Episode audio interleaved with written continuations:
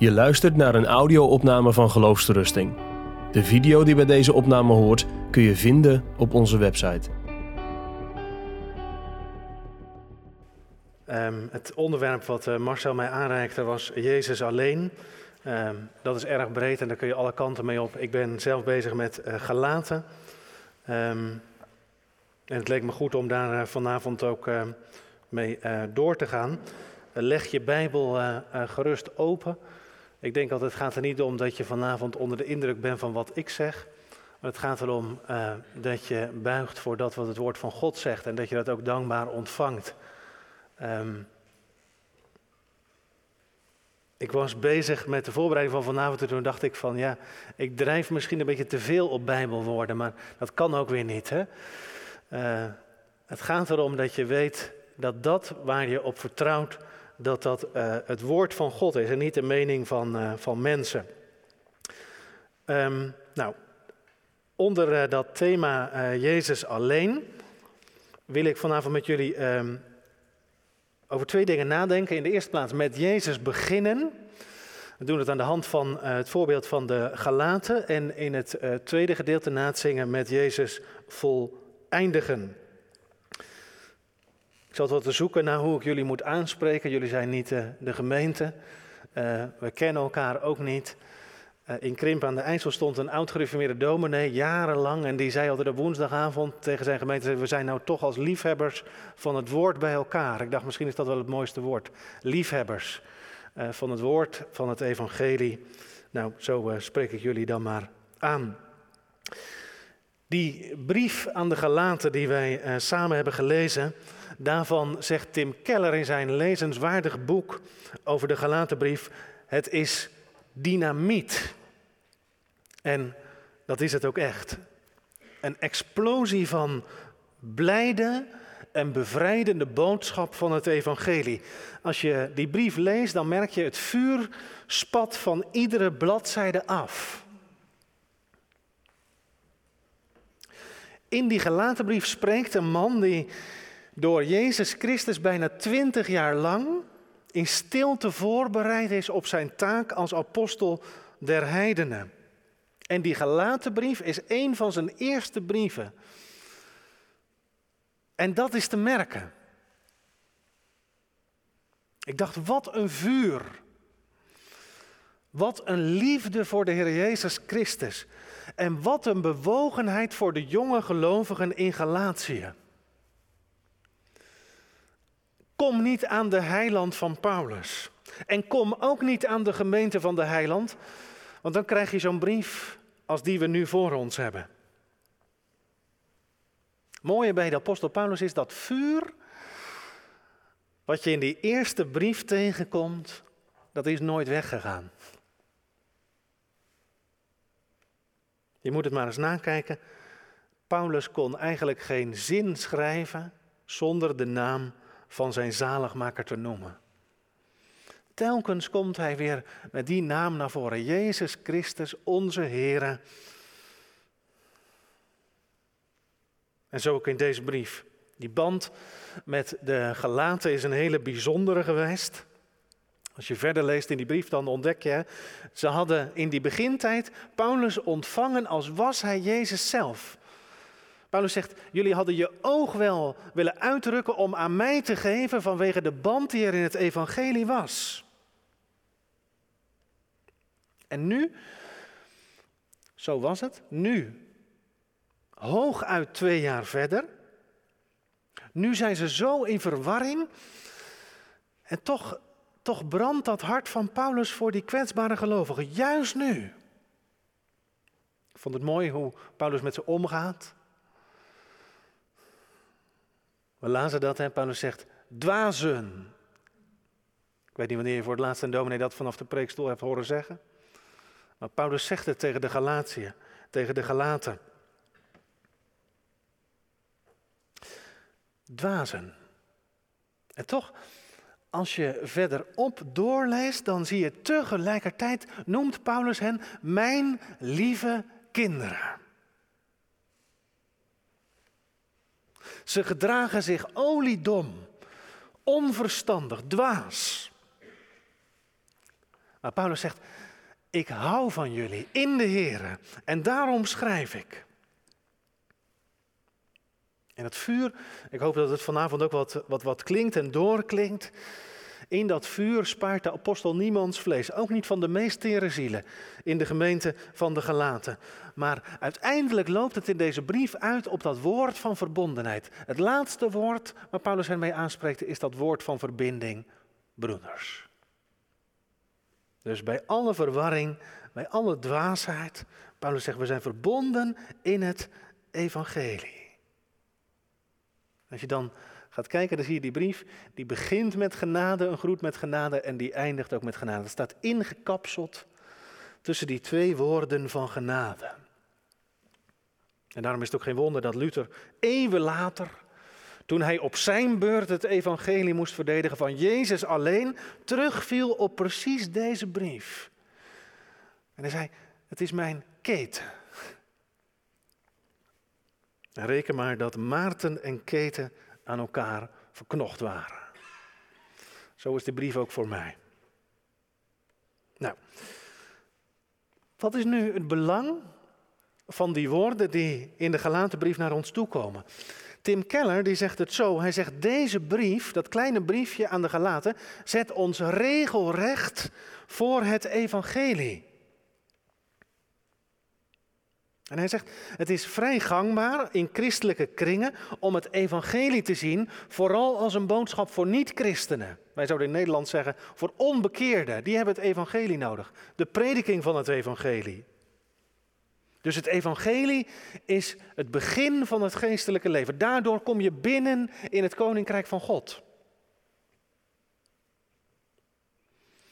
En soms kom je de gedachte tegen dat als wij eenmaal tot bekering gekomen zijn en tot geloof gekomen zijn, dat je dan niet meer zo nodig hebt om dat evangelie te horen zoals je het in het begin hoorde.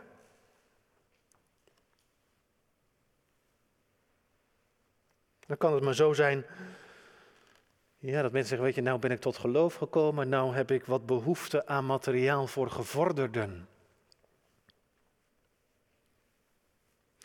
Maar in deze brief laat de apostel Paulus zien dat evangelie heb je niet alleen nodig aan het begin.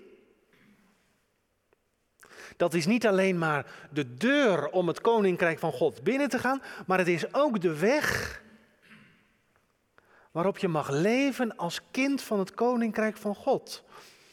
En ik denk dat is de samenvatting van de boodschap die de apostel in deze brief meegeeft.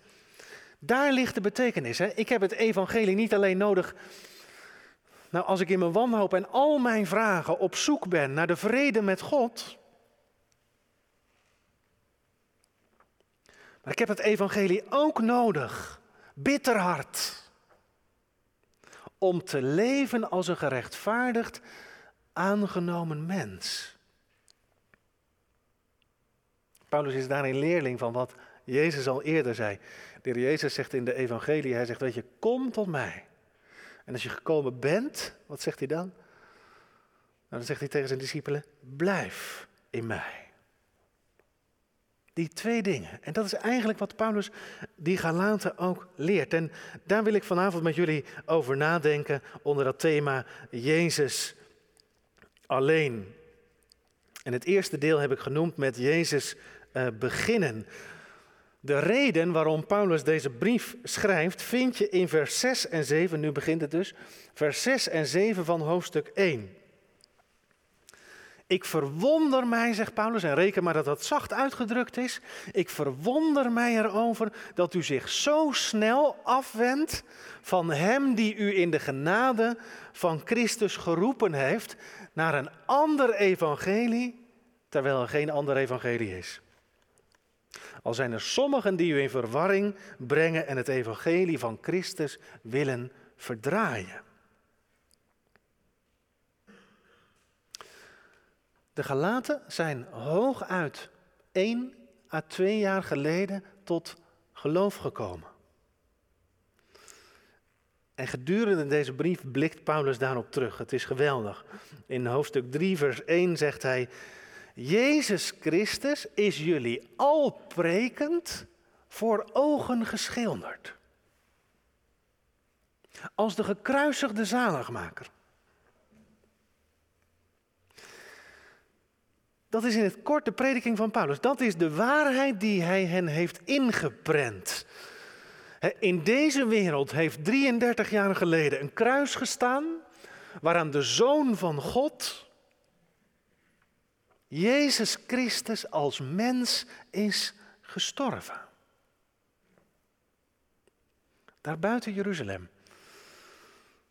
Aan het hout dat door God vervloekt was, is Jezus Christus een vloek geworden voor ons om ons van de vloek van de wet te verlossen. Hem die geen zonde gehad heeft, gekend heeft, heeft God voor ons tot zonde gemaakt. Dat was de unieke focus van de prediking van de apostel Paulus. Hij zegt aan het eind van deze brief, hij zegt, ik zal mij volstrekt niet beroemen op iets anders dan op het kruis van onze Heer Jezus Christus. Je vindt het hier, je vindt het ook in de brief aan de Corinthiërs. Hij zegt, ik heb mij voorgenomen niets onder u te weten dan Jezus Christus en die gekruisigd. Nou, als je nou wilt weten hoe, zo'n preek van Paulus er dan uitziet, dan krijg je een voorbeeld in Handelingen 13.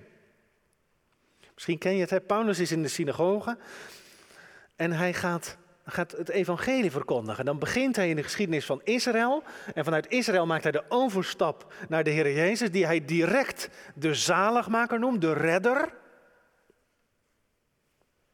En eigenlijk is het heel eenvoudig. Hij vertelt hoe Jezus door de handen van onrechtvaardige mensen met list en bedrog ter dood is gebracht, gekruisigd is en begraven werd. Maar hoe God hem uit de doden heeft opgewekt.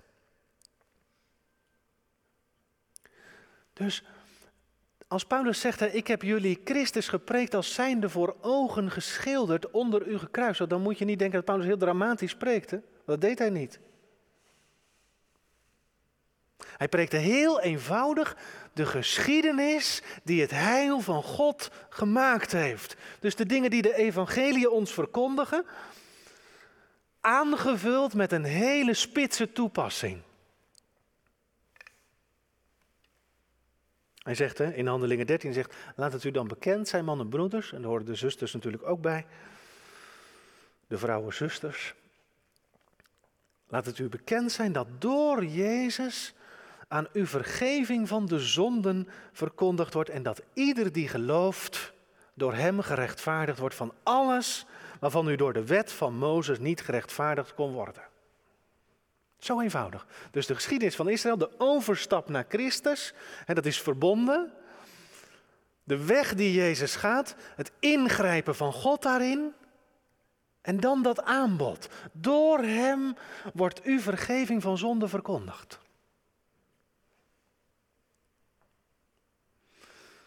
En hij sluit af met die waarschuwende oproep aan alle hoorders dat zij het oordeel van God niet zullen ontlopen als ze dit evangelie, als ze daaraan voorbij gaan.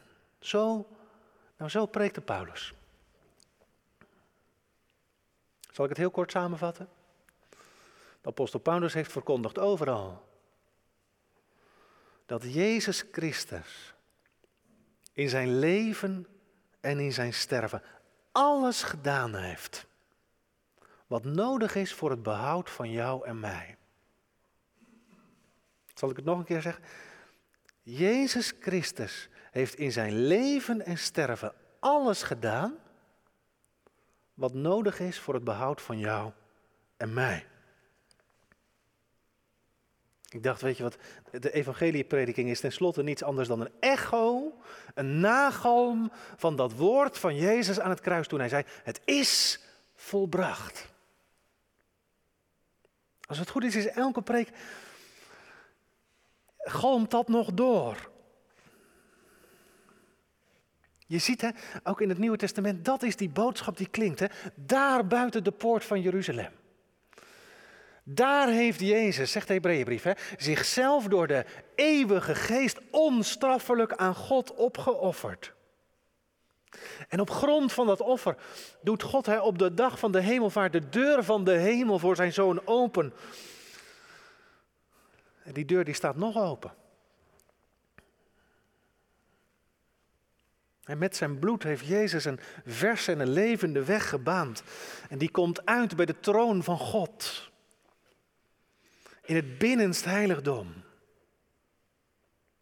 En in zijn sterven heeft Jezus Christus eeuwige verlossing teweeggebracht.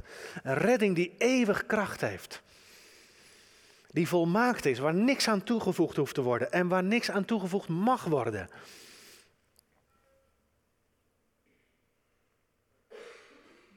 Jezus Christus is een volkomen zaligmaker en Hij is de enige. Misschien heb je het als kind geleerd. Ik merk aan mezelf dat ik steeds meer terugval op de catechismus. De catechismus zegt, waarom heet hij eigenlijk Jezus? Dan komt een prachtig antwoord, hè? Omdat Hij ons zalig maakt en van al onze zonden bevrijdt. Heel eenvoudig. Hij doet het. Daarom heet hij Jezus. Door Hem redt God. Door Hem alleen. Ik kan mezelf niet verlossen, ook niet een beetje. Dat kan er maar één en zijn naam is Jezus.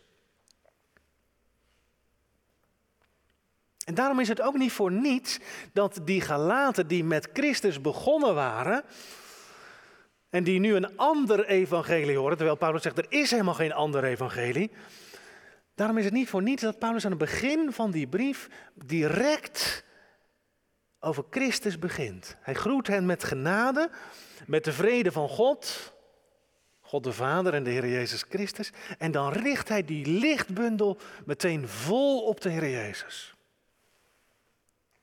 Hij zegt van hem, Jezus heeft zichzelf voor ons overgegeven, voor onze zonden, opdat hij ons zou trekken uit deze tegenwoordige wereld.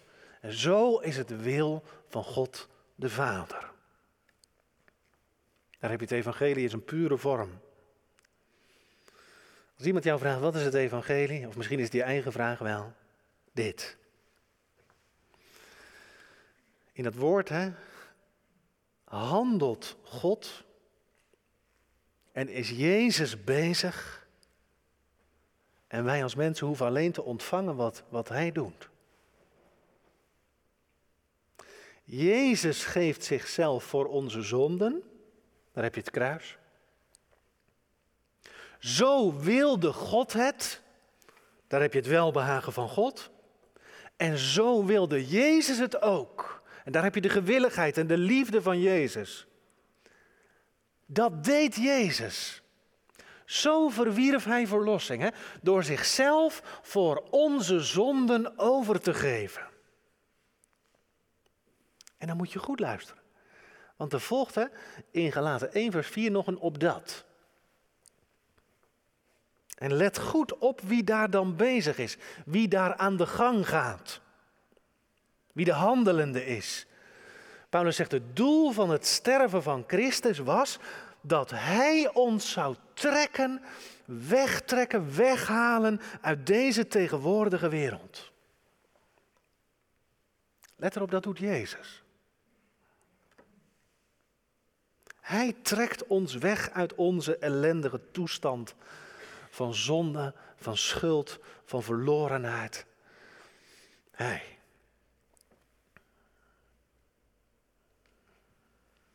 Daarom is het evangelie zo'n blijde boodschap. Weet je, sommige mensen worden daar zenuwachtig van, dat hoeft niet. Het evangelie zegt, God doet alles wat jij en ik nooit meer kunnen.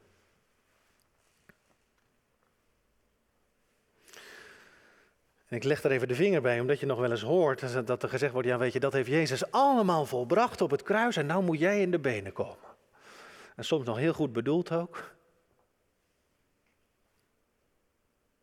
Maar als je maar dit weet, voordat wij in de benen komen, staat Jezus Christus op uit de dood en gaat hij zelf dat evangelie uitdelen. Kom bij hem vandaan. Hij past dat wat hij verdiend heeft ook zelf toe. En ik weet het, hè, dat gebeurt door de prediking, door de krachtige oproep tot geloof en bekering. Maar Jezus is daar bezig. En dat zegt Paulus. Hè. Jezus alleen. Hij heeft zichzelf gegeven en hij trekt uit deze tegenwoordige boze wereld. Dat is zo mooi, dat kun je van Paulus leren. Hij geeft God en Jezus alle eer. Ik weet zeker als je aan Paulus zou vragen, wat heb jij dan gedaan? Dan zeggen, weet je, daar wil ik het niet over hebben. Wil ik het niet over hebben. Wil het over mijn heiland hebben en wat hij heeft gedaan.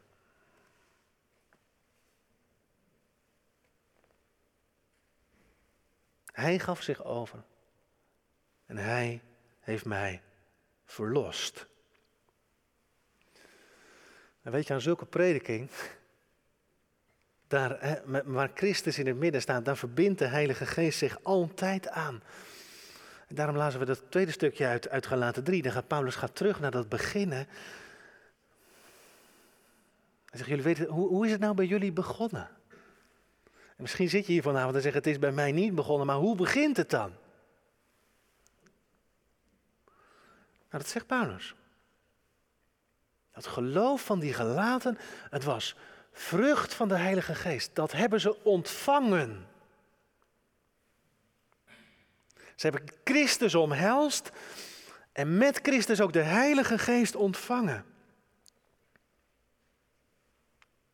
Dat bedoelt de apostel als hij in, in 3, vers 2 zegt, dit alleen wil ik van u vernemen. Hebt u de geest, en dat is de geest van het geloof, hebt u de geest nou ontvangen uit de werken van de wet, uit dat wat u deed, wat jij deed, of uit de prediking van het evangelie, van het geloof? Heb je je eigen verlossing nou bij elkaar gewerkt met al je serieuzigheid?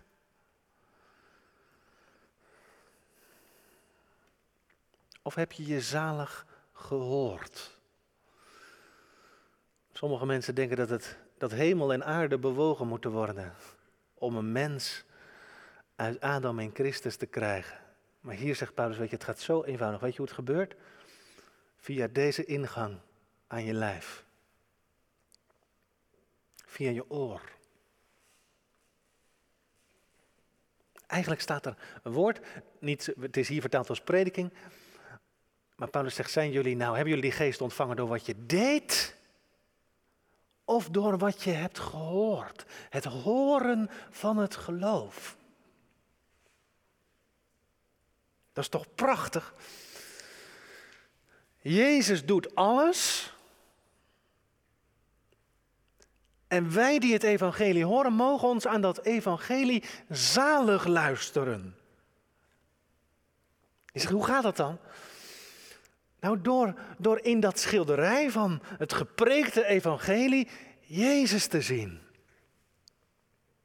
Wat voor Jezus? Die Jezus die niet gekomen is om gediend te worden, maar om te dienen.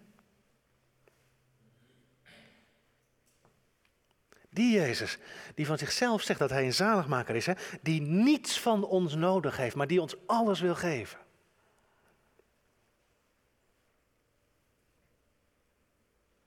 De prediking van het geloof richt de volle lichtbundel van Gods genade op wat Paulus noemt het geloof van Jezus.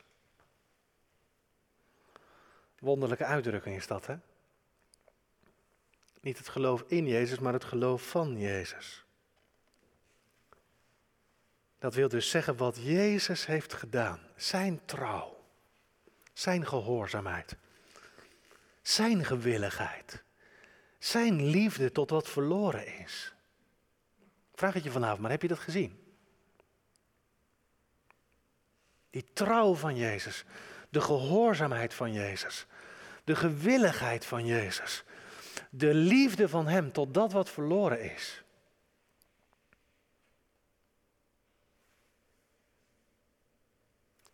Zo luister je, mag ik het zo zeggen vanavond, zo luister je dat geloof binnen. Ondertussen is dat geloven een geweldig geheimenis. Hè? Sommige mensen kunnen dat helemaal uitleggen, ik niet. Ik vind het zo'n machtig wonder. Als ongeloof verandert in geloof. Als al die muren van bezwaren en tegenwerpingen één voor één omvallen. Door, het, door de prediking van het evangelie. Als wantrouwen omgebogen wordt in vertrouwen op God en zijn woord. En je het gaat ontdekken, hij meent het. Niet alleen voor anderen, maar ook voor mij. Maar het blijft ook iets van een geheim. Hè? Ik zei het al, ik heb er moeite mee als mensen dat gaan proberen op formule te brengen. Dan denken nou, nou is het mooie er eigenlijk af. Het is Gods geheim, zegt Jezus. En vergelijkt het, hij zegt tegen Nicodemus, het is net als opnieuw geboren worden. Maar weet je wat zo mooi is? Jezus heeft over dat geheim nooit geheimzinnig gedaan. Want Jezus zegt, weet je wat het gebeurt, die nieuwe geboorte? Dat geloof. Maar Jezus Christus in de prediking wordt opgeheven. En waar die zoon, die zoon van God, als de slang in de woestijn wordt opgeheven, daar gebeurt het. Zo, zegt Paulus in, in 1 vers 6, zo roept God ons de genade van Christus binnen. Dat is een geweldig mooie uitdrukking. Daar begint het, tenminste daar begint het voor ons. Kijk, voor God is het al begonnen toen hij gedachten van vrede had over een wereld die in de zonde zou vallen. Maar voor jou en voor mij begint het daar. Wat gebeurt er eigenlijk als het evangelie wordt gepreekt? Als je het hoort, dan zet God die deuren van de genade wijd open. En dan is het, dan zegt hij, weet je, kom maar binnen.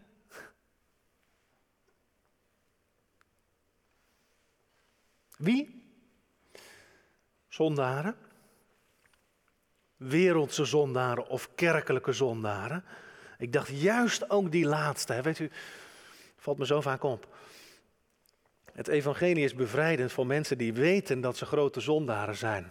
Maar het is soms een hele moeilijke boodschap voor mensen die denken dat ze een beetje vroom zijn. Dus daarom ook voor die laatste, ook voor de kerkelijke zondaren. Weet je, die.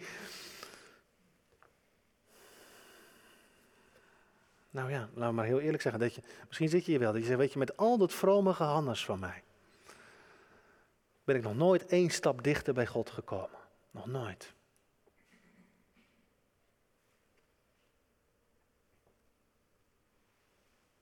En dan zegt het evangelie, zie het lam van God. Hij maakt zalig. Kom binnen. Ik kan daar niet zijn, jawel. Kom binnen in de genade van de Heer Jezus Christus. En dan bedoelt God dat je ook echt gaat. Kijk, die deur open zien staan, dat is mooi, maar Jezus zegt het is van levensbelang dat je binnengaat. En laat je leiden daarin door zijn stem, die belovend en troostend heeft gezegd, wie tot mij komt, die zal ik geen zins uitwerpen. Ik wil hier het eerste gedeelte afronden. Voor de gelaten begon dat leven in de vrede met God met dit evangelie. En Paulus zegt een ander evangelie van Jezus die redt en Jezus die zichzelf gaf, is er niet. Let daar goed op. Het evangelie is een boodschap die van jou niets vraagt. Of misschien moet ik het zo zeggen, die van jou niets nodig heeft. Maar waardoor je alles ontvangt. Die gelaten, wie ze ook waren, hoe verschillend ook, wat er ook achter hen lag, maar het begon hun leven in de vrede met God, begon toen ze voor hun redding alleen vertrouwden op dat wat Jezus Christus had gedaan, door het geloof. En daar gaat het bij ons ook om, dat je kunt zeggen, weet je, ik heb het gezien, nu zie ik het. Want, nou, kan het niet beter zeggen dan dat dat lied het zegt. Hè? Niet het offer dat ik breng. En niet de tranen die ik pleng kunnen redden. Maar gij, alleen. En Paulus is zeer beslist. Hij zegt, wie een ander evangelie verkondigt dan dat evangelie, die is vervloekt. Nou zeg je, dat, dat is zeker Paulus, nu verspreek je jezelf. Nee, zegt hij, ik zal het nog een keer zeggen. Wie een ander evangelie dan dat evangelie verkondigt, die is vervloekt. Want er is geen ander evangelie dan het evangelie van Jezus alleen. Je luistert naar een podcast van Geloofsterusting.